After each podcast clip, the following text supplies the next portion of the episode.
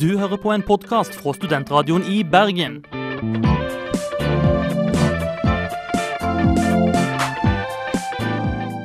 Denne og mange andre flotte podkaster finner du på podkast.srib.no.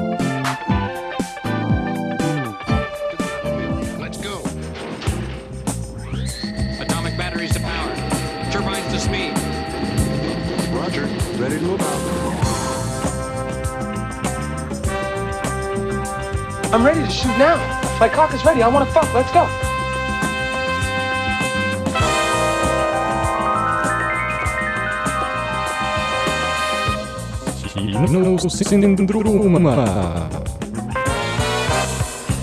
Det er riktig, det er Kinosyndromet. Klokka er 11, det er torsdag, og vi er her igjen. Dette her er Håkon Stiff Åmli, og med meg i studio i dag så har jeg Nadine Farnes.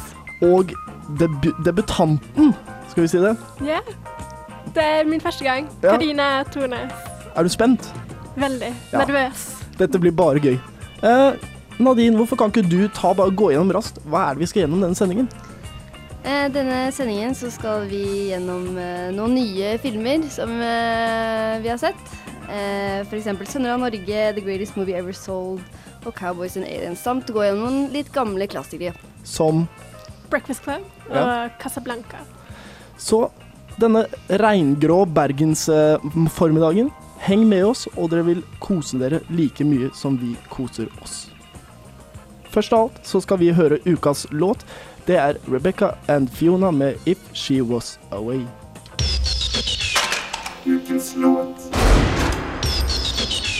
If she was away,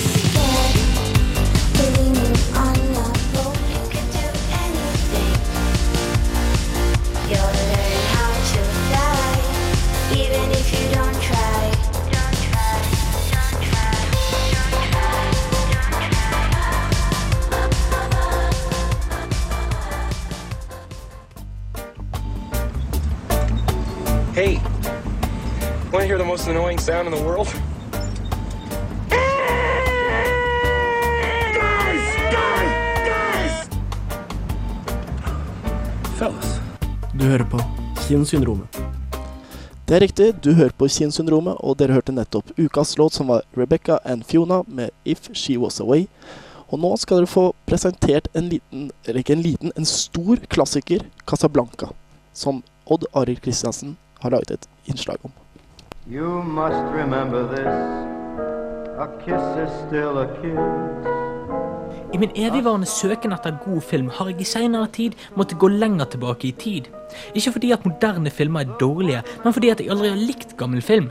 For å utvide mitt filmrepertoar har jeg denne gangen sett Michael Curtis sin klassiker Casablanca, en film som Roger Ebert sjøl har sagt er mer elsket enn Citizen Kane. Citizen Kane er kanskje en bedre film, men Casablanca er en mer populær og enklere film å like. On that you can rely. I denne klassikeren fra 1942 befinner vi oss i Casablanca, en kystby i Marokko som ennå ikke er blitt beleiret og overtatt av nazistene. Som en av få byer som har flyruter til USA, er det mange flyktninger som dukker opp i Casablanca i håp om å få reise til USA. En av de er Ilsa og Victor, men de klarer ikke å skaffe seg de nødvendige visumene, og de søker derfor Rick sin hjelp. Det Victor ikke vet, er at Ilsa og Rick har hatt et forhold før, og Rick er ikke helt sikker på om han skal hjelpe dem eller angi dem. Casablanca, city of hope and despair, located in French Morocco in North Africa. The meeting place of adventurers, fugitives, criminals, refugees lured into this danger swept oasis by the hope of escape to the Americas. But they're all trapped, for there is no escape. For en hjerteløs stakkar som meg er det overraskende at Casablanca holder seg så godt den dag i dag. Filmen er godt lyset. man slipper at skuespillere og kulisser forsvinner inn i de svarte og dårlig belyste delene av bildet. I stedet får man se mye av kulissene og skuespillerne. Jeg slipper å måtte anstrenge meg for å se filmen. Fra et teknisk ståsted er den også kapabel. Lange tagninger gjør at filmen skiller seg fra dagens hurtig klippede filmer. Man føler virkelig at man får sitte, se og nyte denne filmen.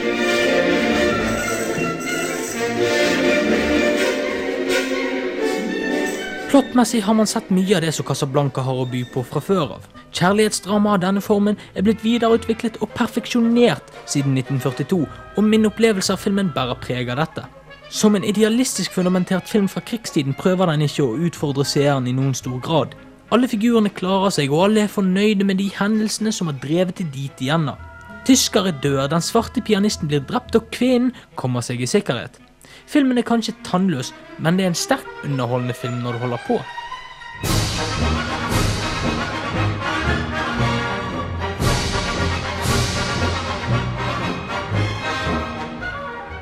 Mye av underholdningen kommer av filmens enkle plott.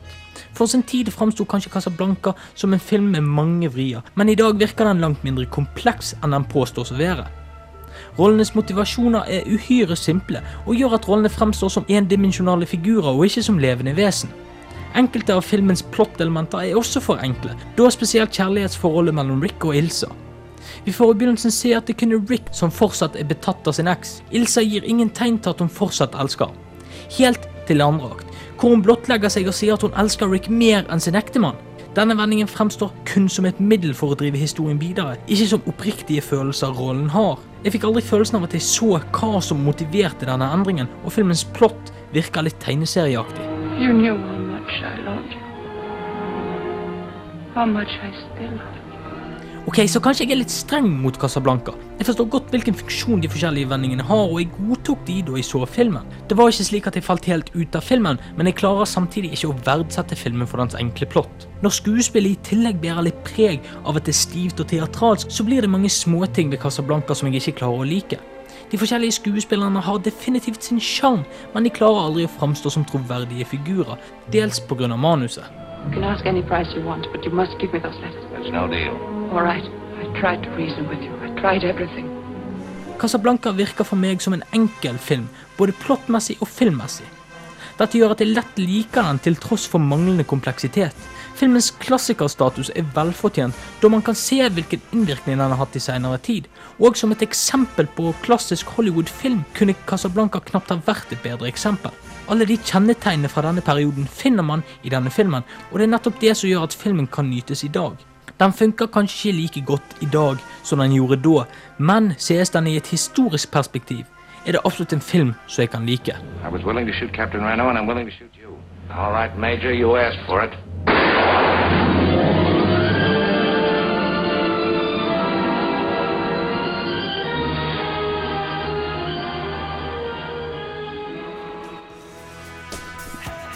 der hørte dere Odd Arild Kristiansen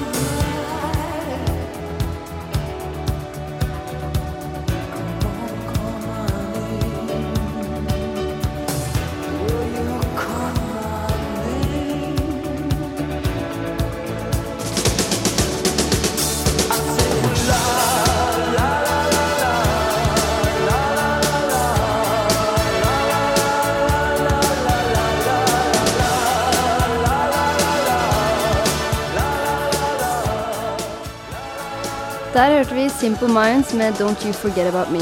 Hvorfor hørte vi akkurat denne sangen, Karina? Jo, det er fordi jeg hadde lyst til å presentere meg selv hos Kinosyndromet med å fortelle om min favorittfilm. Og det er da The Breakfast Club. Dette er en 80-tallsklassiker som tar seg av fem stereotyper. Disse folkene de kan ikke fordra hverandre, men de er, sitter fast på skolen på gjensitting. Og ehm, de hater hverandre, rett og slett, uten å kjenne hverandre. Men så tar de og blir venner ved å stå sammen mot en sadistisk eh, rektor, og ved å mislike det voksne samfunnet, rett og slett. Jaha. Så litt ungdomsopprørsfilm. Ne nei, ikke egentlig. Dette er egentlig en ganske lett tenåringsfilm fra 80-tallet av John Hughes med Brat Pack. Og um, Hvorfor De- heter den eh, The Breakfast Club, da? de kaller seg The Breakfast Club. Når de har blitt venner, så er det 'vi er frokostklubbgjengen'. Så de blir rett og slett nesten bestiser i løpet av denne skoledagen. Så litt som studentradioen i Bergens frokostblanding. Ja, Mm. akkurat det samme. Men uh, kan du fortelle, er, er det noe tematikk i filmen, f.eks.? Foreldre. Foreldre. Ja. Eh, alle er generelt misfornøyd med sine foreldre, uansett om de er den populære eller sportsidioten, nerden, rebellen. Alle har foreldre som stiller urimelige krav. Som type. At man skal ha toppkarakterer, eller man skal være den beste idrettsutøveren, eller være perfekt. Så en film som protesterer litt mot kravene vi stakkars ungdom blir stilt. Ja, og det er sikkert derfor uh, jeg liker den så godt. For jeg oppdaget den da jeg gikk på videregående, og da jeg var jo like gammel. Og denne filmen var jo også veldig populær på 80-tallet. Tror jeg fordi at alle kunne kjenne seg igjen i hvert fall én av disse stereotypene. Hvem er det du kjenner deg igjen i? Ja? Ehm, må Jeg har jo aldri vært den mest populære, og jeg er i hvert fall ikke flink i idrett. Og jeg er ikke så særlig rebelsk. så jeg tror kanskje jeg må relatere meg mest til Alison. Men hvorfor er det akkurat den filmen her, da, som, eh, som på en måte Hva er det som gjør at filmen binder deg, da? Fordi den har alt, og fordi jeg generelt bare elsker 80-tallsfilmer. Og hele 80-tallskulturen? Ja, spesielt disse tenåringsfilmene til Johnny Hughes og Brat Pack. Det, det ser alt. Ja. Så ja. Fantastisk film, og alle bør se den hvis de ikke har sett den. Skal du se den, Nadine? Eh, ja, jeg vet ikke om jeg kanskje har sett den en eller annen gang for lenge siden. Eh, kanskje jeg skal se den. Ja, jeg syns vi alle skal se den. Først da så skal jeg få høre Machine Birds med Time. Time gives and takes, changes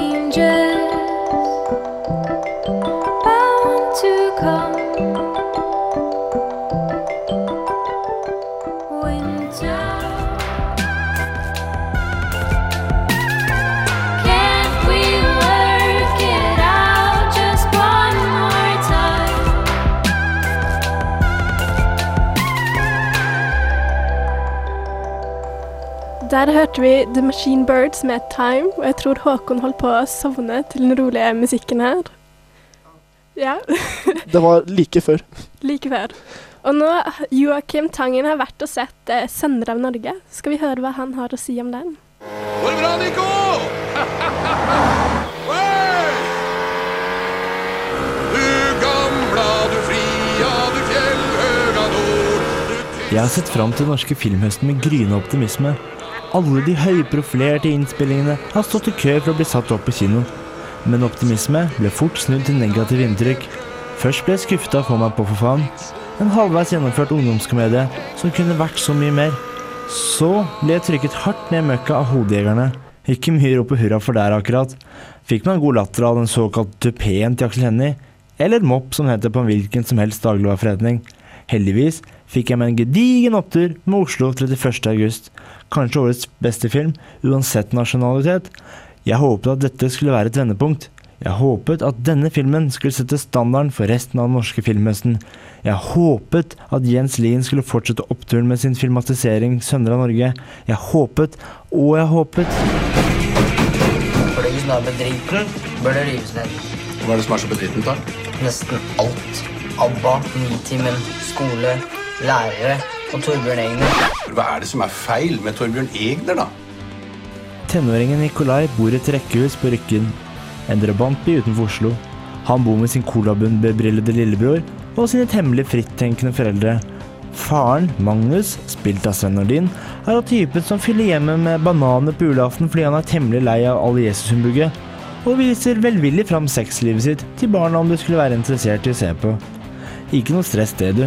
Men når moren til Nikolai dør en brå og brutal død, går Magnus dypt inn i seg selv og stenger alle ute. Sønnen hans Nikolai, som liksom skal være hovedperson i filmen, rakk så vidt å oppdage punkmusikken før moren gikk i pennalet. Han tar nå endelig mot til seg og plukker opp gitaren han fikk til jul. Han har nå bestemt seg for å ta den helt ut og bli punker sjøl. Og sammen med bestekompisen og den temmelig speisa fetteren til kompisen starter de eget punkband. Poenget er å spille så høyt og så dårlig som mulig, slik at publikum vil tro at det er Satan sjæl de hører på. Nikolai er klar for å gjøre opprør mot alt og, og alle, men det går ikke helt som planlagt. Gubben til Nikolai, som gikk inn i grønnsaksmodus etter sin kones død, våkner til live akkurat i tide for å joine Nikolai og kompisen hans i punkbevegelsen. Han stepper sågar opp som hjelpetrommis når den vanlige trommisen i punkbandet dytter mer hvitt pulver i nesa enn det den tåler. Hvor lett er det å være punker og opprører når faren din ønsker å være det også? Shit. In a word, excrements. Excrement. Crap. Med sin forrige film, Den brysomme mannen, gjorde Jens Lien seg selv til en av Norges mest spennende filmregissører. Filmen ligner ikke på noe annet laget her til landet noensinne. Dystopisk og samfunnssatirisk, stilistisk og hyre interessant. Filmen var en av de beste filmene laget her til lands. Personlig sidestilte jeg ham med Joakim Trier, mannen bak reprise og Oslo 31. august. Etter å ha sett Sønner av Norge fjerne Jens Lien fra pallplasseringen. Han har nå havnet i mylderet av norsk middelmådighet.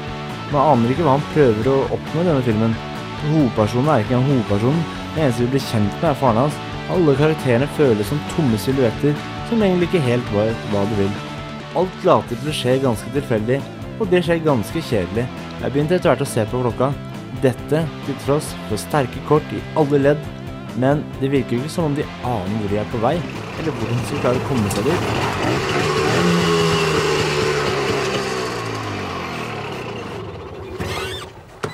Hva syns du? Nå blir det sommerferie. Den er registrert for to. Men til tross for at verken manusforfatterne eller regissøren helt vet hva de vil, så er dette filmen hvor Sven Nordin tar tak i flagget og fører det til topps. Han er i kanonform som hippiepappaen som serverer bananer på julaften, inviterer ungene til å overvære et skikkelig knull og tar med eldstemann Nikolai på sommerferie til en idyllisk svensk nudistleir hvor han driver med tai chi nakne. Glem Sven Nordin som Kjell Bjarne i Elling-filmatiseringene. Mannen som aldri får pult. I Sønner av Norge får Sven Nordin seg et realt knull både én og to ganger. Og han gløder selv i scener som ikke inneholder orgasmer. Om det ikke blir Amanda på Sven for denne tolkningen, så kommer jeg til å klø meg så hardt i hodebunnen at flasset kommer til å flyte i strie strømmer ned i sofaen min. Jeg vil ta Nikolai ut av undervisningen for en periode. Han har ikke kommet med en sånn eh, dårlig gjeng eller noe?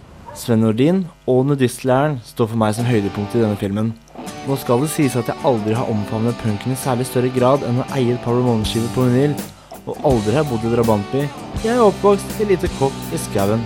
Jeg kan kanskje ikke relatere i særlig stor grad til det filmen handler om, Når jeg tenker meg om hadde jeg ingenting å gjøre opprør mot i oppveksten engang.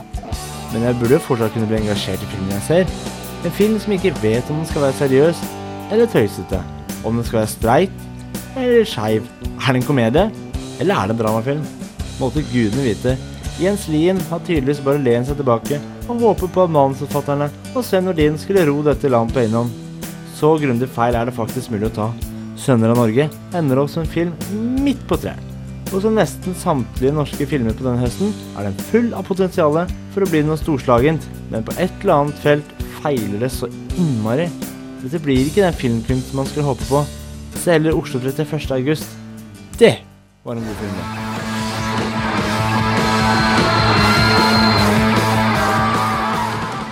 Det spilles så høyt og så dårlig at de som hører på, skal tro at det er Satan! Ja, da hørte vi Joakim Tangen eh, anmelde 'Sønner av Norge'. Nå skal vi eh, høre Nero med 'In The Way'.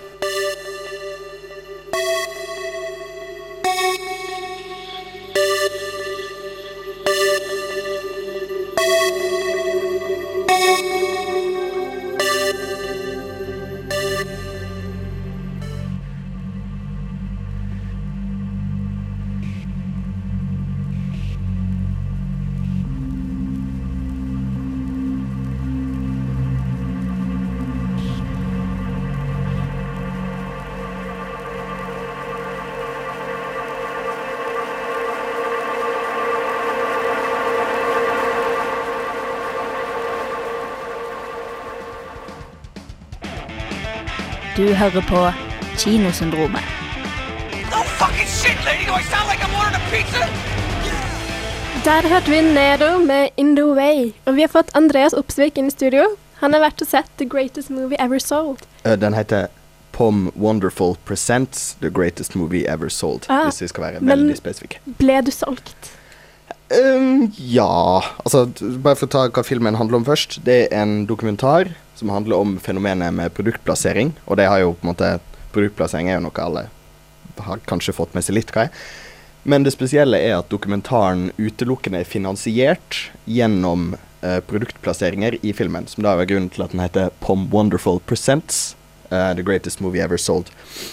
Og det er egentlig filmen Det som er historien, hvis en kan si det sånn, i filmen, er jo egentlig at han går rundt til forskjellige selskaper og prøver å få filmen finansiert. Så det er litt sånn meta-element. Og det er absolutt eh, Absolutt et interessant prosjekt. Ja. Men funket det? Fikk du mye ut av det? Altså, Morgan Spurlock, som da er regissør og hovedperson, hvis vi kan kalle det sånn, er jo en veldig artig kar. Og det er veldig underholdende. Det er morsomt å se på han for masse sånne absurde situasjoner som en ikke vil ha Ja, som ikke vanligvis kanskje ser i dokumentarer. Men som rent som dokumentar så skulle jeg gjerne ønske at den gikk på en måte litt dypere inn i temaet. At vi fikk litt mer eh, intervjuer og litt mer om selve saken. da. Og denne Spurlock han eh, er jo også norgesaktuell. Eller han var. Han var på Haugesund filmfestival her forleden. eh, og da stilte han opp i en dress full av reklame. Ja, den dressen dukker opp i. Det er jo da alle sponsorene eh, til filmen. Som er på en måte en dress han skal ha på seg på alle, eh, alle PR-greier i forhold til denne filmen. Og det er jo han, han diskuterer det veldig mye sjøl om det han egentlig gjør, er, altså i filmen også, men det han egentlig gjør, er å liksom selge sjela si litt, da. For han har jo på en måte, han vil jo gjerne være, ha kunstnerisk integritet, eller hvordan jeg nå vil si det. Og han snakker om en god del forskjellige filmskapere. Eh, på en måte hvor hen den balansegangen går. Hva som er hvor, hvor, hvor langt den på en måte Kan en si sånn midt i en film at mm, deilig, Dr. Pepper. Eller blir det litt for masse? Men eh, han har jo også intervju med flere prominente regissører og skuespillere.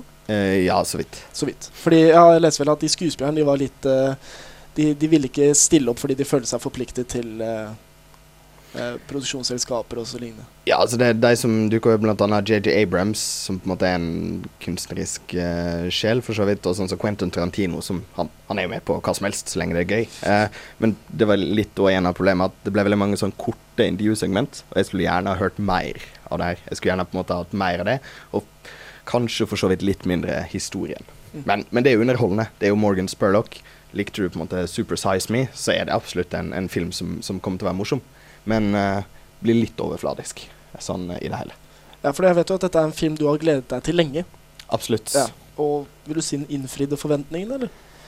Den gjorde vel akkurat det som sto på pakka, og ikke så fryktelig mye mer. Jeg kunne gjerne tenkt meg at den var, den var litt mer inngående. Det er Takk for besøket, Andreas. Jo, ingen årsak. Eh, nå skal vi videre. Vi skal høre en låt. Det er Beirut fra deres nye album A Candles Fire.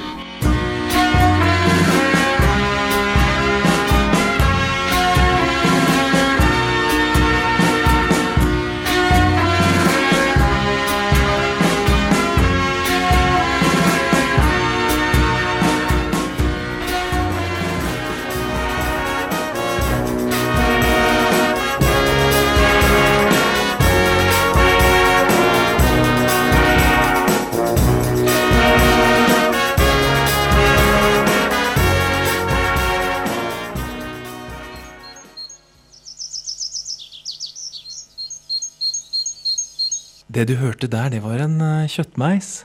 Og det du hører på nå, det, er- det er kinosyndromet. Ja, nå hører du på Kinosyndromet. Og vi hørte akkurat eh, Beirut med Candles Fire. Men nå skal vi høre enda en eh, anmeldelse av kjære Håkon. Du har anmeldt Cowboys and Aliens. Ja, eller jeg skal vel anmelde den nå. Um, Cowboys and Aliens det er en film som høres latterlig ut. Eh, jeg husker første gang jeg så den, det er, eller altså så traileren for vel et år siden. Uh, tenker jeg Cowboys and Aliens altså, det, det bare høres rett og slett helt latterlig ut. da. Uh, filmen handler om Vi kan ta fra starten. altså Filmen åpner med Daniel Craig som spiller uh, Som spiller en ja, Vi vet egentlig ikke hva han er når han våkner opp midt i ørkenen, men han spiller i hvert fall en som heter Jake Lonergan. Og han våkner opp midt i ørkenen, helt alene, og så kommer det tre sånne cowboybanditter. ikke sant? Dere har sett eh, x antall westernfilmer hvor du har brede panoramabilder, og der ligger han helt alene i ørkenen. Så kommer det tre ryttere som er ranere, og de begynner å rane han. Eh, Daniel Craig han tar på ekte båndvis og legger alle i bakken. Og ja, tar, tar klærne, tar skoene til disse gutta da. Og så rir han inn til byen, fordi han husker ingenting. Det er litt sånn her blanding av Jason Bourne, James Bond og spagetti-western, inkludert litt alien inni der. ikke sant? Så det er, det er bare et sammensurium av mange sjangre. I hvert fall han rir inn i eh, en liten småby eh, som er forlatt fordi det, ikke, det, det viser seg at det ikke var noe gull der allikevel. I denne lille landsbyen midt ute i ørkenen så er det Harrison Ford som spiller en gammel eh, eks-oberst fra den amerikanske borgerkrigen. eh, som har gjort seg stort på kvegedrift da, og er på en måte kongen i den landsbyen. Og jo, og så må jeg bare nevne at Harrison Ford har et merkelig armbånd eh, rundt håndleddet eh, som han ikke vet hva er til. Men det får man eh, vite da i løpet av filmen, regner jeg med.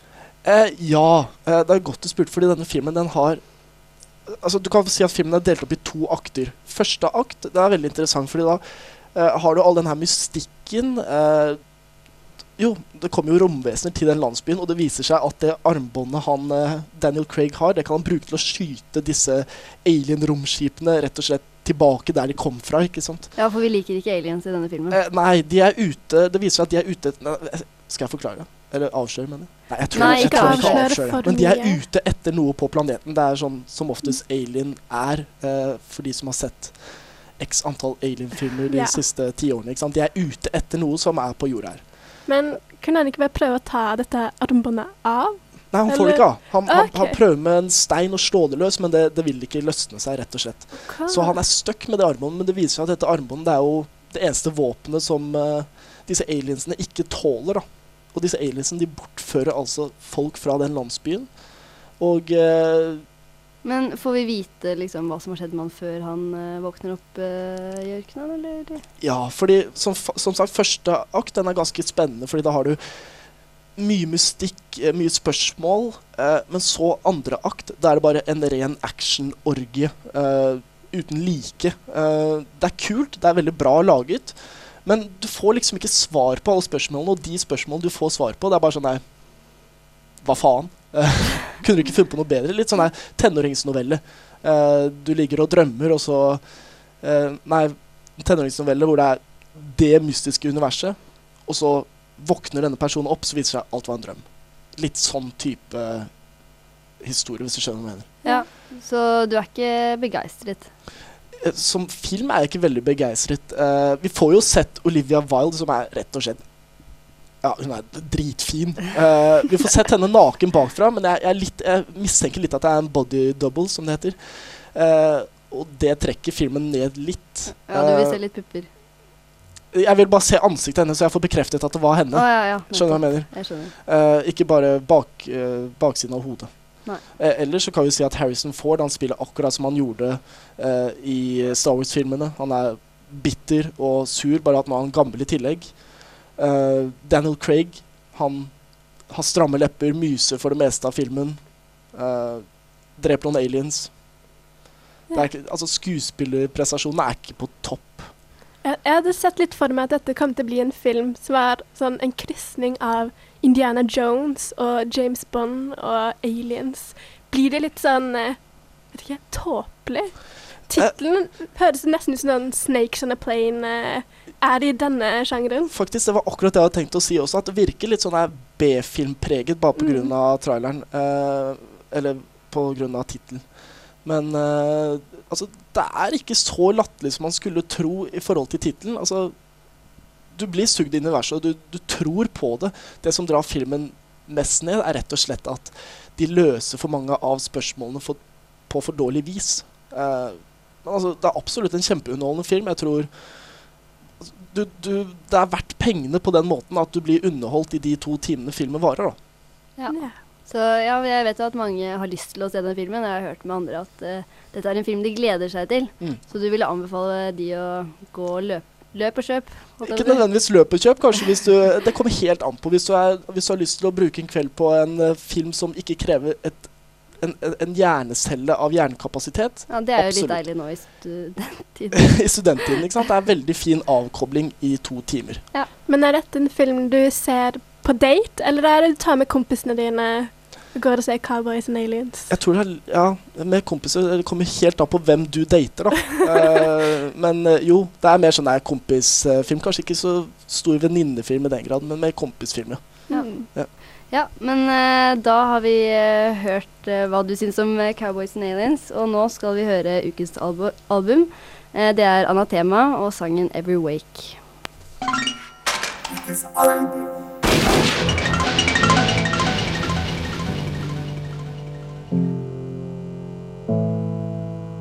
Choose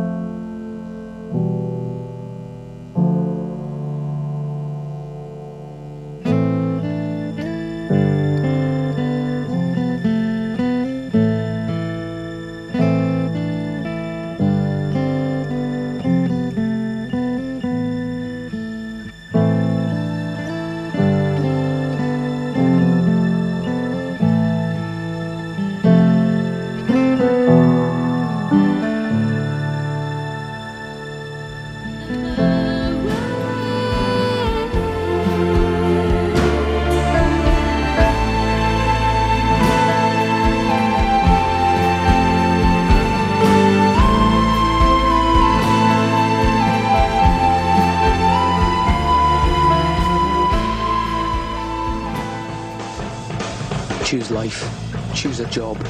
Choose a career. Choose a family. Choose a fucking big television. Choose washing machines, cars, compact displays and electrical tin openers. Kinosyndromet. Bedre enn heroin. Ja, da hørte vi nettopp ukas album, som var Anathema med Ever Wake. Og vi er tilbake i programmet som Odd så fint sa det, er bedre enn heroin. Og Nonna din, du har vært og sett en film nå nylig, har du ikke det? Jo, eh, Marian Max heter den. Den er fra 2009, faktisk. Så den er litt eh, Den er ikke helt ny, iallfall. Den er litt gammel. Eh, og da er den, eh, som man sier, det er en claymated film. Den er lagd av eh, jeg vet ikke, leire. Plastelina, kanskje. Type Balls and Gromit? Eh, ja, bare bedre. eh, den handler om en liten jente på åtte år gammel, Mary Dinkle, som bor i USA Nei, hun bor i Australia. Eh, og litt lubben og ensom og vet ikke hva hun skal gjøre med seg selv. Så hun sender brev tilfeldig til en eh, lubben Nei, ikke lubben. Han er faktisk overvektig. Han er jævlig feit, egentlig. Eh, mann som heter Max Horowitz. Jøde. Har Aspergers syndrom. Funderer litt over ja, livet generelt, egentlig. Han er litt eh, borte, da. Litt sosialt eh, Tilbakestående. Ja, tilbakestående, kan man kanskje si. Så hun sender deg et brev.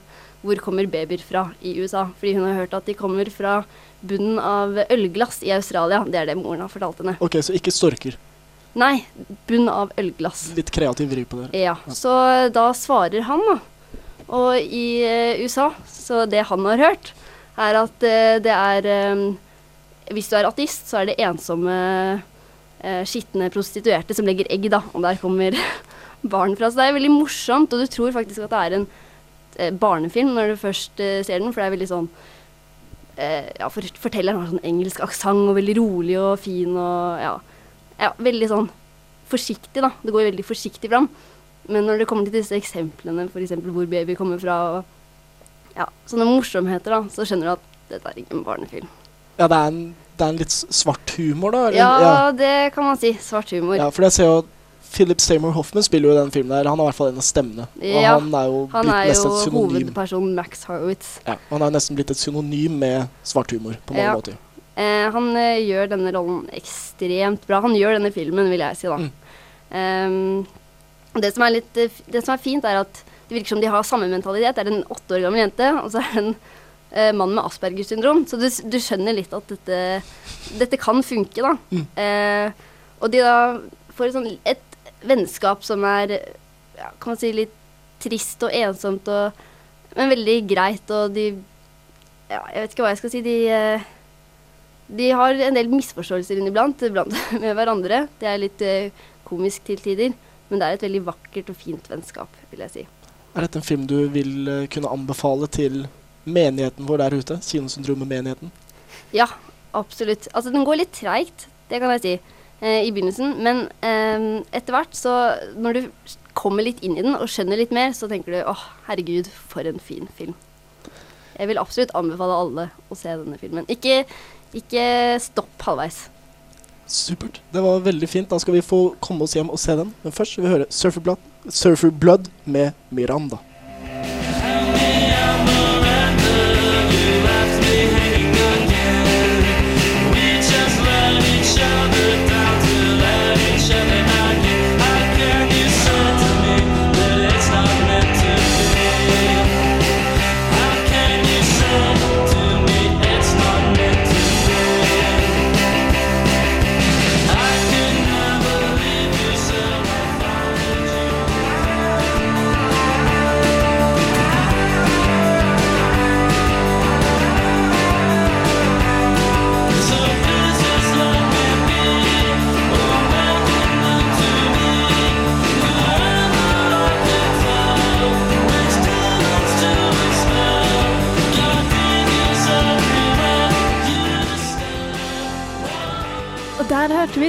Blood med sangen Miranda. Nå kan dere lene dere tilbake og høre på Christian Voldnes sin anmeldelse av ukens premierefilm Colombiana.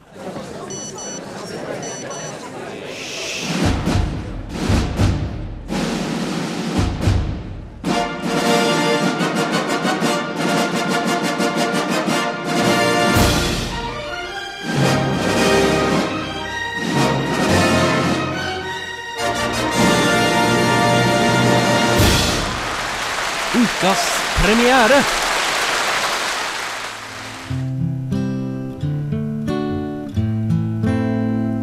I hurt myself today. Never forget where you came from. To see if I still feel. Kataleya, den ni år gamle døtra av en av Bogotas mafiasjefer, ser sine foreldre bli brutalt drepne på ordre av en rivaliserende mafiapersonlighet, Don Luis. Det hele ser særs mørkt ut for denne unge jenta, helt til niåringen drar fram en stor kniv fra under kjøkkenbordet og syler den i handa til mafiamannen Marco, Don Luis i høyre hand. Tett etter følger vill jakt gjennom Bogotas jungel av delvis falleferdige hus. Cataleya i front, med en galen gjeng mafiamenn bevæpna til tennene like i hælene. På kløktig vis kommer den vesle jenta seg til USA.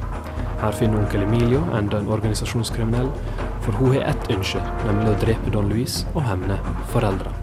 Who are you? Not from the service.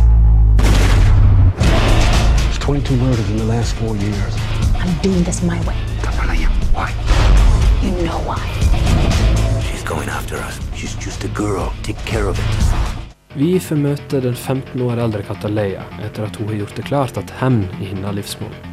Hun er en dyktig leiemorder og dreper på oppdrag fra onkel Emilio. Hun har også noen personlige mål for øye, og alt dette for å lede henne til hevnen som hun har venta på. En ser tidlig hva dette kommer til å ende. FBI er involvert, tilfeldigheter får tårnet til å rase sammen, og for Cataleya snører nettet seg raskt sammen til det utrolige. Men sjøl om det kan hende er den klassiske historien om den unge leiemorderen med en vanskelig fortid, er det gjennomføringa så er denne så mye bedre enn de fleste andre med samme tema. Jeg er personlig imponert over koreografien i det hele. Det går knirkefritt og uten mye trøbbel, og alt glir rolig og kontrollert over i hverandre. Jeg er ikke særlig overraska, egentlig, siden det er Luc Besson som står oppført att med Robert Cayman som manusforfatter. Besson har på samvittighet flere flotte verk som Taken, Taxi-serien og Leon. Han holder samme kvalitetsnivå i denne filmen som i de andre. Og eksplosjonene, de artige våpnene, de tettsittende klærne, alt er på plass. I was nine my parents were killed. I will not stop until you feel what I felt all these years. And now I'm gonna finish it. Never forget where you came from. Om vi skal peke på noe som gjør denne filmen bedre enn så mange andre actionfilmer, som for å være ærlig er en sjanger der mye kan kastes lukt i bosset, så må det være historien og karakterene. Alt er overbevisende og gjennomført. Jeg tror på dette. Jeg føler med dem, og takket være noen handlinger som gjør at Kataleia framstår som mer menneskelig enn bare en kald drapsmaskin, må jeg si at dette er sjangerens beste så langt i år. I mine øyne, altså. Jeg må også skryte spesielt av Zoe Saldana, som i sin innsats som Kataleia gjør det meget bra. Hun har eh, gjort en flott innsats i tidligere filmer som Avatar og Star Trek, og gjør ingen skam på seg i denne filmen. Jeg foreslår at du tar en tur på kino og nyter denne filmen. Etter du har hørt ferdig Kinosyndromet, selvsagt. Ha en fin dag. I would keep myself.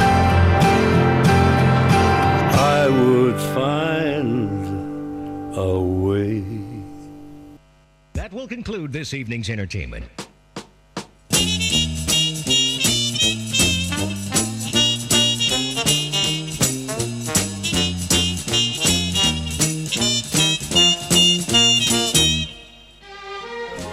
Er det på tide at vi snart sier takk for oss. I dag har dere hørt innslag av Christian Voldnes med ukens premierefilm 'Colombiana', Joakim Tangen med 'Sønner av Norge' og Odd Arild Christensen med 'Casablanca'. Studioanmeldelsen i dag var uh, av Andreas uh, Opsvik med 'The Greatest Movie Ever Sold'. uh, meg, Nadine Farnes med 'Maren Max'. Karina Tornes med 'The Breakfast Club' og Håkon Åmli med 'Cowboys and Aliens'. I studio i dag har vi Nadine Farnes, Karina Tornes og Håkon Stiff Og produsenten er Ingrid Thorvaldsen. Det er helt riktig. Eh, For all del, ikke glem å gå på www.srib.no. Der kan du finne nettsaker, artikler, podkast og repriser av tidligere programmer. Dere kan også høre oss på radiofrekvens FM 96,4 hvis dere bor et eller annet sted utenfor Bergen, og 107,8 hvis dere bor i Bergens kjern. Etter oss så kommer Plutopop og fotball på boks. Helt avslutningsvis skal dere få låten The War on Drugs, Come to the City.